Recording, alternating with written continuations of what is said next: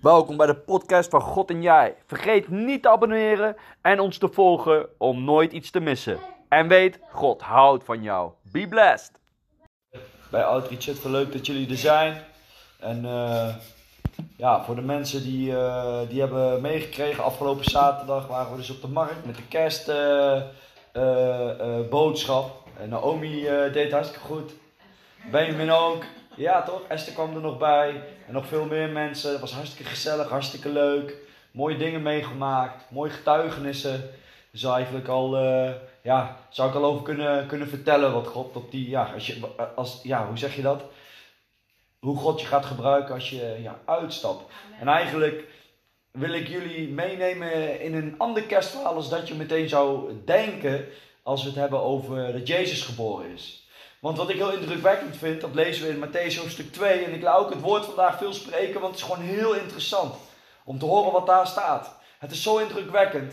En ik was ooit een zondaar, zo'n mooi liedje, Amazing Grace. Maar het is zo waar. Het is soms een voorrecht, denk ik, om niet met het geloof opgegroeid te zijn. Om echt mee te hebben gemaakt van alles en nog wat. Of het nou occulte zaken zijn, of gewoon wereldse zaken zijn, of noem het maar op. Want als je dan ineens aangeraakt wordt door de liefde van Jezus, dan gebeurt er iets. Bij mij althans wel. Ja, amen. Ik was letterlijk blind, maar toen kon ik weer zien. Amen. En als we de Bijbel gaan lezen, leeft het woord. Ik snap ook ineens dat Jezus niet nodig had om twee keer te bidden voor de blinde man. Wat sommige mensen soms wel zeggen. Ja, zelfs Jezus moet. Je moet altijd blijven bidden, want zelfs Jezus moest twee keer bidden. Nou, ik geloof niet dat Jezus twee keer moest bidden. Als Jezus iets zegt, was het er. Jezus leert daar iets. En soms snappen we dat niet meteen, omdat de Bijbel een geestelijk boek is.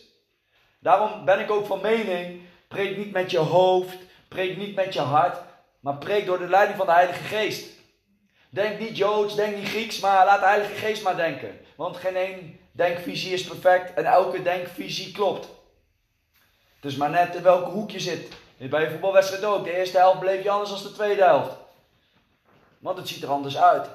Maar de Heilige Geest neemt je mee in de perfecte hoek om je steeds meer, meer diepgang te geven. Meer te laten zien wat Jezus voor jou kan doen, wie Jezus is en hoe trouw de Bijbel is. Alleen soms snappen we de Bijbel niet, omdat we het te graag willen begrijpen.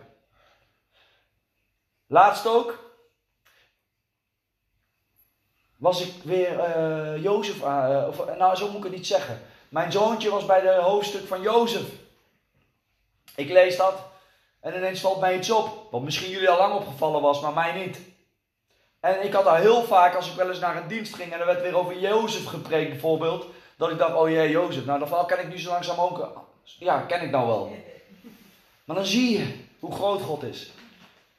En ineens las ik, en ik snapte het weer wat beter. En ik weet zeker dat ik nog steeds Jozef niet goed begrijp, dat er nog meer lagen in zitten. Want het is een geestelijk boek. En de Heilige Geest openbaart er soms dingen waardoor het meer gaat leven. En het is niet zomaar dat de Heilige Geest jou en mij dat openbaart. Hij wil daar wat mee zeggen. Want dat is vaak niet alleen maar voor jou, maar ook om Jezus beter te leren kennen. Want wat las ik daar? Jozef, het Oude Testament. Die in Canaan woonde. Nog niet het beloofde land, nog steeds naar het beloofde land moest. En Jozef, die wordt in een put gegooid door zijn eigen broers, omdat ze jaloers op hem waren. Maar toch was dat Gods bedoeling. Toch was de gunst van God op Jozef. En we lezen iets profetisch daarna. De broers verkopen hem als een slaaf. En wat doen ze? Ze pakken een bokje, lammetje, geitje, slachten dat en dat bloed is zogenaamd het bloed van Jozef en Jozef is dood. Komt bekend voor, toch? Het offerlam, Jezus. En ineens lees ik verder en dan zien we ineens, dankzij deze Jozef wordt het beloofde volk, het volk van Israël, gered. Want de twaalf stammen gingen naar het beloofde land. Jezus had twaalf discipelen. En er staat nog iets heel bijzonders. En zeventig omhangenden. Kinderen, vrouwen, trekken ook in Egypte. De 70 bijhangsels van Jezus, de discipelen. Met andere woorden, Als God ergens mee bezig is, en dat is altijd al zo geweest, draait het niet om mij of om jou. Wij mogen leven hier met een missie. En dat is Jezus. Weet je wat zo mooi is? Ik geloof dat elke religie mooi is. Ik geloof dat elke, of het nou tovenarij is of wat dan ook, mooi is. Dat daar waarheid in rust. Dat daar kracht in rust. Maar één ding is daar niet in. En dat maakt de Bijbel zo uniek. Dat maakt Gods liefde zo uniek. Dat is, weet je zeker dat je het eeuwig leven hebt. De sleutel is Jezus. En je hoeft alleen maar de sleutelhanger te zijn om aan de sleutel te hangen. En je hebt eeuwig leven. God zegt niet dat het christelijk leven een beter leven is. Misschien niet. Misschien heb je wel een taak die heel zwaar is, zoals Jozef. Die in de gevangenis terecht is gekomen, et cetera. Nog erger, misschien heb je wel een leven die heel erg op Jezus lijkt. En dat willen alle christenen. Maar wil je dat echt? Wil jij dat echt? Jezus, Jezus heeft maar 30 jaar eigenlijk geleefd toen hij in het openbaar kwam. En drie jaar daarvan is hij uitgekotst, uitgelachen, uitgespuugd, als zwerver geleefd. Hij zei zelfs, jullie kunnen slapen, jullie hebben een kussen. Zelfs de possen hebben wel hulletjes, maar de mensenzoon kan nergens heen. En toch houdt God zoveel van de mensen dat hij iets heel bijzonders deed. Als eerste. De meesten denken misschien, als ik dat nu zo vraag, wie als eerste wist, naast de profeten, hè, iedereen wist dat, de beloofde zoon, de verlosser, die wordt ooit geboren, de nageslag van David. Maar wie wist als eerste op het moment dat het gebeurde, dat er de verlosser geboren zou worden? Als ik dat zo vraag, wie denk je dan? Ja, dat, dat dacht ik ook, maar dat is niet zo. Het is ongelooflijk. Ik ga straks dat ook voorlezen. Ik vertel nu even globaal de dingen dat je het een beetje mee kan nemen als ik het voorlees. Twee jaar daarvoor waren er occulte mensen, tovenaars, die naar de hemel keken en een ster zagen. Ja. En zij wisten. Door paranormale ervaringen, ik weet het niet. Twee jaar daarvoor. Dat die ster, die moesten ze volgen. En ze zouden de verlosser zien. Maria had nog niks gehoord van engel Gabriel. Niemand. Dit laat al zien dat God niet zo is als ons. Die kijkt niet of je een heks bent. Of je een atheïst bent. Of je een dief bent of een moordenaar bent. Nee, hij kijkt naar je hart. Hij weet dat jij geen vergissing bent. Want Boeddha heeft jou niet gemaakt. Dat was ook een mens die beweert verlicht te zijn. Maar ik geloof dat iedereen een bepaalde verlichting kan vinden. Maar dat komt allemaal als we in dienst staan door de kracht van de Heilige Geest. Hij verdient de eer, omdat dat een motor is en dat leert Jezus ons. Jezus, ik kan me het zo voorstellen, want er staat in het Oude Testament dat hij aan de borst van de Vader zat aan God in Spreuken 8. Hij was er altijd al, hij speelde om het genot van zijn Vader. Daarom weten we dat God nooit alleen was. Spreuken 8, lees het maar eens. Ongelooflijk wat daar staat, Oud Testament. En dan stel ik het mij zo voor, hè, dat Jezus daar aan de tafel zit. En God heeft verdriet. De Vader heeft intens verdriet. Alle schepsels die hij heeft gemaakt zijn verloren gegaan omdat de duivel dacht dat zijn plan had gewerkt. En God de Vader, die wist dat er geen perfect mens meer was, want elk mens werd geboren met de zonde. En dan is er één oplossing. En dat is niet zomaar een offer, wat in heel veel religies normaal is, zelfs in, in rituelen normaal is, om dieren te offeren. Deden de Joden ook, verzoensoffers. Doen ze nog steeds. Nee, er moest een perfect offer komen. Een mens die kon sterven voor de mens. En dat de dood, want de dood is een vloek, hè, dat had nooit hoeven bestaan. En de dood, waarom bestaat de dood? De dood heeft alleen maar recht op ons als wij hebben gezondigd. En wij zondigen allemaal. denk maar eens na. Heb ik een keer gestolen? Vast wel. Heb ik een keer geroddeld, iemand in elkaar geslagen, iemand uitgelachen? Weet ik het. Neem het. En de ene heeft iets ergs gedaan dan de ander, maar een zonde blijft een zonde. En oh, God is zo rechtvaardig en, en, en, en heil. Dat hij niet zegt, nou, voor jou is zo erg, En voor jou wat minder, vooruit, jij mag winnen. Nee, een zonde is een zonde. En hij zegt, Jezus, mijn zoon, ik hou zoveel van de mensen. Daarom ben ik verdrietig. Dit allemaal wat hier is, is allemaal vernietigd. Maar we kunnen het herstellen. Maar dan moet jij alles meemaken wat in Hebreeën staat, als een klein kindje. Jij moet geboren worden als een baby. Jij moet, en we nemen een risico. Want je gaat er dan ook achter komen. Want je moet al je goddelijkheid afleggen. Als een kind geboren worden. Als een baby alles ondergaan. Erachter komen hoe het is om als mens te leven. Hoe het is om verleidingen te weerstaan. Wat een risico eigenlijk van de vader. Wat nou als Jezus wel had gezondigd? Was hij ook nog eens zijn zoon kwijt? Ja, dat vind ik echt. Hè, dat laat mij ook wel eens denken. Maar God nam wel een risico. En dat is te vertrouwen die wij ook herkennen als ouders in onze kinderen. Als wij onze kinderen vertrouwen, dan nemen we het op voor onze kinderen. Ook al heb je soms geen gelijk. Maar je vertrouwt je kind. Zo mooi. En dat doet liefde. En God houdt zoveel van ons allemaal. Dat hij zijn zoon heeft gestuurd. En als eerste al laat zien. Wat wij nu pas weten omdat het geschreven staat. Het eerst liet zien aan waarzeggers. Aan occulte mensen. Die al mochten weten twee jaar van tevoren. We moeten die ster volgen. Want dat, die brengt ons naar de koning. Naar de koning der koningen. En er gebeurt er van alles op die reis.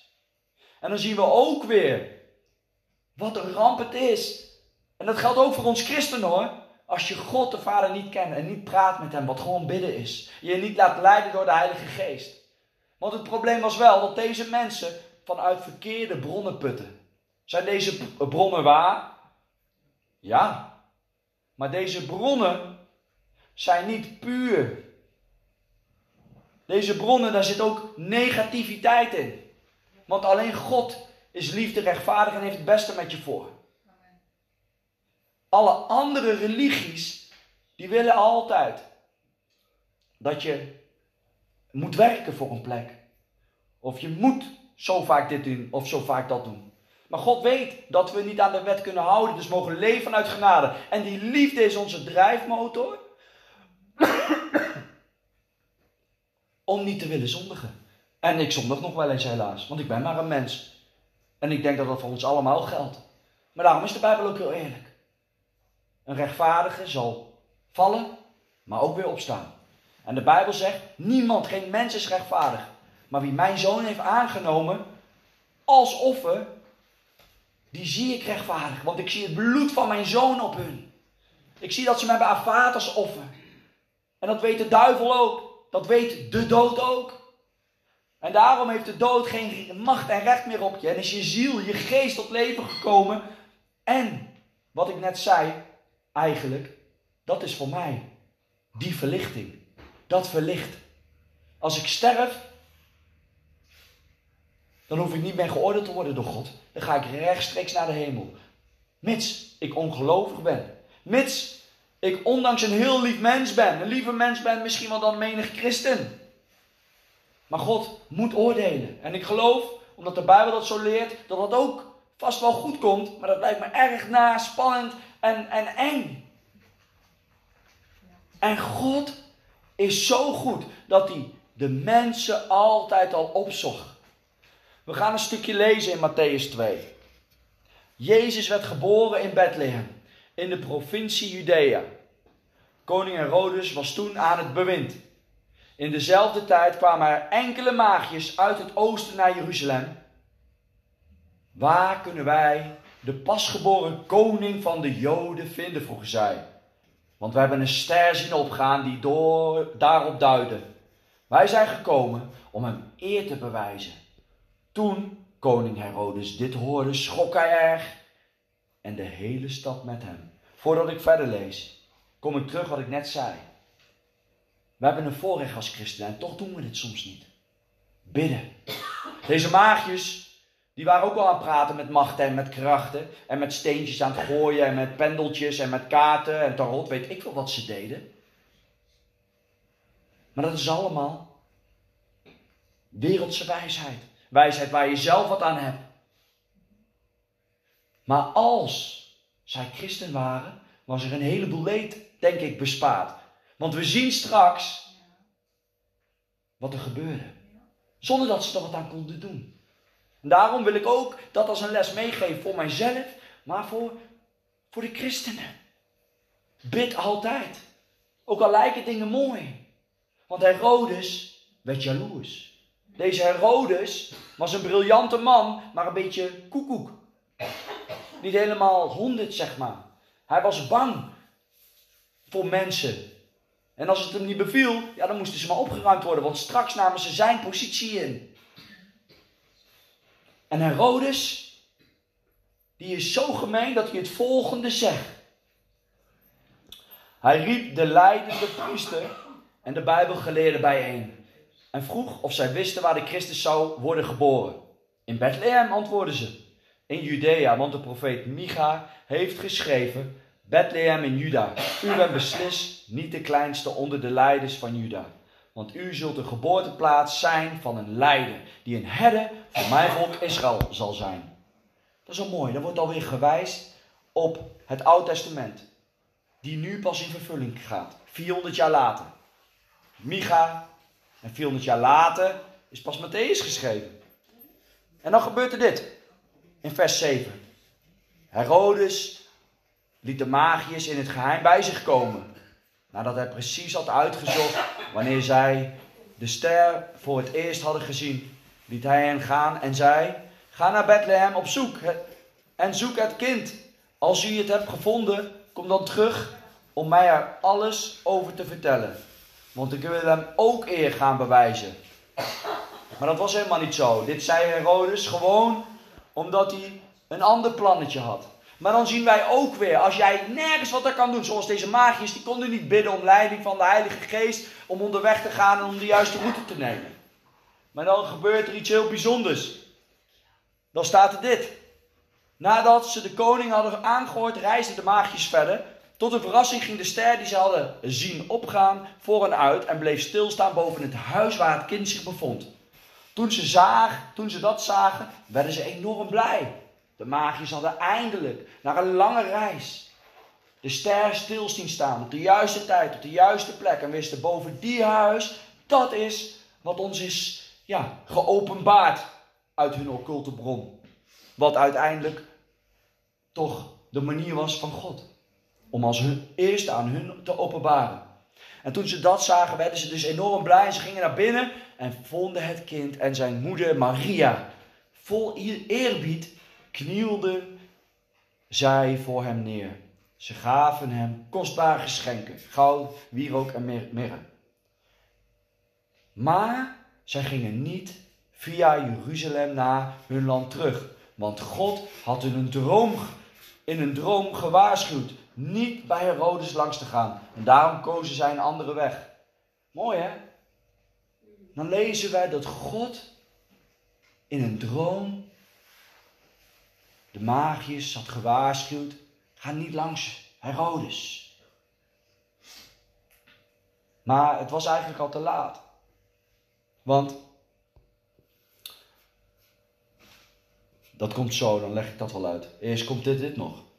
Nadat zij waren vertrokken, verscheen aan Jozef een engel. Hè? De, de, zeg maar, de, de, de, de, de, de, de, vader die God had uitgekozen, die dan Jezus mocht opvoeden. Jozef, de man van Maria. Verscheen aan Jozef een engel van de Heer in een droom. En die zei, vlug met het kind en zijn moeder naar Egypte. En blijf daar totdat ik zeg dat je terug kan komen. Want Herodes zal alles doen om het kind te doden. Dat had Herodes nooit hoeven weten, hè? Jozef stond meteen op en vertrok nog diezelfde nacht met Maria en het kind naar Egypte. Hij bleef daar tot Herodes gestorven was. Daarmee werden de woorden van de profeet Hosea werkelijkheid. Uit Egypte haalde ik mijn zoon. Mooi hè, dat we elke keer weer zien dat God laat zien. Zoals ik net al een, een stukje voorbeeld gaf uit het leven van Jozef. Alles draait om Jezus in het, in het Oude Testament. En daarom is het ook zo'n apart boek. Want de meeste boek begin je bij het begin. Maar de Bijbel begrijp je pas als je eerst Jezus leert kennen. Als je niet eerst Jezus leert kennen en je gaat het boek lezen, denk je zelfs, wow, wat een verreed boek. Wat gebeurt hier? Maar dat is niet van God, dat zijn de keuzes weer van mensen. Dat zijn vaak weer de verkeerde keuzes, ook al had God hun uitgekozen. Want David ging vaak de mist in. Abraham ging ook de mist in. Maar als we Jezus leren kennen, dan zien we dat God hunkert om mensen te gebruiken. En ook zij vallen. Maar dit waren wel die gasten die weer opstonden. En God wil jou en mij uitdagen. Geloof in Jezus. Dan heb je eeuwig leven. En ga niet alleen dat eeuwig leven aannemen, maar leef met een missie hier op aarde. Wat is 80 jaar tegenover de eeuwigheid? Mijn zoon heb ik gegeven, zodat je mag leven om hem bekend te maken, om nog meer mensen te vertellen, hij is de sleutel. Hij is het waar geloof. En dat zeg ik niet omdat het hoogmoedig is en zo, want ik heb ook vrienden die anders geloven en niet geloven. En dan mogen ze zelf weten. En ik, ben, ik hou van ze. Maar ik zou zo graag willen dat ze erachter komen hoeveel Jezus van hun houdt. Wat hij heeft gedaan voor hun. Hoe kan je dat afwijzen? Ware liefde, hij vraagt eigenlijk helemaal niks voor terug. Hij vraagt alleen maar, geloof in mij, beleid mijn naam en je bent gered. En als je echt van mij houdt, ja, dan blijkt dat ook uit je daden. Maar het is geen voorwaarde voor de eeuwig leven. Maar als je willens en wetens natuurlijk dwars gaat liggen, dan is het een ander verhaal. Want je hebt gewoon christenen die niet willen groeien. En die worden dan weer anders geoordeeld dan mensen die echt beter weten en toch doorgaan met zondigen en met andere dingen. Toen Herodes hoorde dat de magiërs dus uh, ja, niet langskwamen, dan gaat het zo verder in vers 16. Herodes werd woedend toen hij ontdekte dat de magiërs hem misleid hadden. Wat een gek die Herodes. Hij was helemaal niet misleid. Nee, toch? Moet je nou, ja, dat was, dat was me de reden. Maar hij was een briljante architect. Het was geen domme man, maar hij had een kronkeltje. Een behoorlijke. Dit deed Herodes vervolgens. Hij gaf de opdracht om in Bethlehem en de hele omgeving alle jongens van twee jaar en jongen te doden. Heftig, hè? Ja. En nu komt het bijzondere waarom ik zei dat de magiërs het eerder wisten dan Maria. Want hier staat het gewoon. Hier staat waarom ze dus die jongens van twee jaar of jonger gedood moesten worden. Want de magiërs hadden namelijk gezegd dat het ongeveer twee jaar geleden was dat zij de ster voor het eerst hadden gezien. Ik vind dat zo bijzonder. Want toen ik dit opmerkte, zei ik ook net zoals Mariet. Ja, Maria. Maria, die hoorde het voor het eerst. Maar dat was, dat was negen maanden daarvoor, want ze werd daarna overschaduwd door de Heilige Geest en werd bezwangerd door de Heilige Geest. Ik raak hier stil van. Dit laat de goedheid en de grootheid van God weer zien. Dan zie je soms zulke evangelisten of godsmannen of profeten of voorgangers of kerken. Wij hebben de waarheid en jij mag niet in de kerk komen en jij mag niet meedoen. Nou, oh, daarmee moet je niet eten en daar moet je niet mee gezien mee worden. Weet je wat Jezus zei? Ik ben niet gekomen voor de gezonde mensen. Ik ben gekomen voor de mensen die redding nodig hebben. Met andere woorden, ik ben een dokter. Ik ben de dokter. Kom bij mij en je zal zien. Amazing grace. Niet letterlijk blind, geestelijk blind. En nu kom ik op dat verhaal die ik niet afmaakte net. Toen Jezus bad voor die blinde man en hij vroeg: Kan je zien? Toen zei de man: Ah, ik zie uh, alleen maar bomen, uh, mensen, bomen. En toen moest Jezus ineens nog een keer bidden. Daarom zeggen soms mensen, Jezus moest twee keer bidden. Hè? Dat verhaal kennen jullie, denk ik wel, toch? Maar wist jij dat de Bijbel ons bomen noemt? Sterke bomen. Psalm 1. Jij bent een boom. Met andere woorden, wat zei je? Geworteld. Geworteld. Aan een stroom van water. De Heilige Geest. Levend water. Dat is de Heilige Geest. Jezus bad voor die man. En ik haal deze les hieruit. Het gaat er niet om dat jij meteen vleeselijk kan zien, want aan het vlees heb je eigenlijk helemaal niks. Nee, kijk eerst maar even geestelijk. Ploep. Jezus moet twee keer bidden. Ja, als mensen dat soms zeggen, dan moet ik gewoon uh, lachen. Nee. En toen dacht Jezus, oké, je hebt geestelijk gezien, arm knulletje, kom maar. Want dat kan ik ook wel. En toen pas zei hij, hup, ga zien. En hij kon ook met het vlees zien. Het gaat er niet om dat jij gered bent in het vlees. Wat heb je daaraan nogmaals? Je kan 80 jaar doen met je vlees. Misschien langer, misschien korter. Het gaat erom. Je geest is gered. Je geest heeft eeuwig leven. Dit lichaam laat je je achter en je krijgt een nieuw lichaam. Is zelfs een nieuwe naam. Daar is geen ziekte meer. Niks meer. Alles is daar perfect. Hier is soms nog ziekte en allerlei ellendige dingen. En ja, God kan genezen. Maar ik ken ook zat mensen. Ik heb gisteren ook weer van een goede vriend gehoord. Hele gelovige jongen. Een, uh, de, de, de, de schoonmoeder, net 60, kanker, dood. Zat altijd in de zending.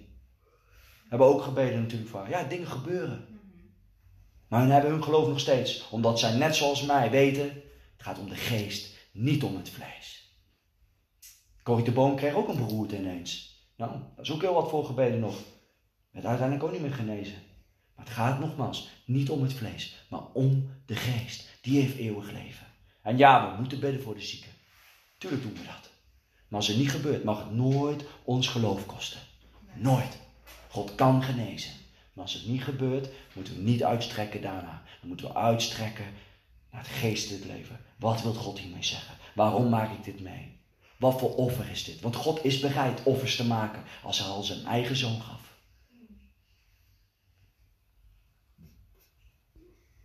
Zo gebeurde wat de profeet Jeremia al lang geleden had gezegd. Zo mooi. Als Jezus geboren wordt, zien we dat Matthäus ook laat zien wat alle Oud-testamentische eh, eh, profeten, of een deel daarvan, al hebben geprofiteerd en hebben gezegd. Na de dood van de koning Herodes zag Jozef in een droom opnieuw een engel van God. Hij zei: Ga met het kind en zijn moeder terug naar Israël, want de mensen die hem wilden doden zijn gestorven. En Jozef ging met zijn gezin naar Israël terug. Hij durfde echter niet naar Judea te gaan, omdat hij had gehoord dat Herodes, zoon Archelaus, daar nu de macht in handen had. In een droom zei God hem naar de provincie Galilea te gaan. Daar gingen ze wonen in de stad Nazareth. En dat klopte met wat de profeten hadden voorspeld. Hij zal Nazarene genoemd worden. Ik wil zo eindigen. Weet je wat dit met mij doet? God weet altijd ons te vinden. Oh, amazing grace. I was lost, but now I was found. I was blind, but now I can see. Die persoon die dat zong was niet letterlijk blind. Ik moet aan het verhaal van Jezus denken wat ik net uitlag. Ze kon geestelijk zien. Ik was verdwaald. Ze was niet letterlijk verdwaald, maar wel geestelijk verdwaald. Maar ze was gevonden bij de Vader. En voordat ik wil eindigen, heb ik echt een drang om te vragen: heb je wel eens echt een keus gemaakt voor Jezus, voor het geestelijk leven? Heb je ja gezegd tegen de waterdoop? Want de waterdoop is zo belangrijk omdat je dan ja zegt: ik wil geestelijk leven. Het heeft niet te maken met dat je eerst perfect moet zijn, et cetera. Nee, je wordt dan pas geboren vanuit de geest. Dat is de doop. En iedereen weet, een baby die moet nog allemaal leren. En je gaat nooit perfect worden. Dat is ook zo lekker aan de Bijbel. Die zegt het ook. Je zal nooit perfect zijn. Daarom, zoek mij op. Daarom de verhaal van de verloren zoon. Van de verdwaalde schaap. Maar er staat ook, God zal altijd zijn verloren zoon weer willen terugpakken. Knuffelen, weer een ring willen geven. Vetgemest kalf en een feest willen geven. En ja, hij laat hem 99 schapen achter om die ene weer terug te vinden. Dat is mijn God. Ik hoop dat het ook jouw God is. En we gaan naar kerst. Als hier mensen zijn die vandaag de keuze willen maken voor Jezus, kom dan straks naar mij toe en dan wil ik voor je bidden. Voor ook vervulling met de Heilige Geest. Amen.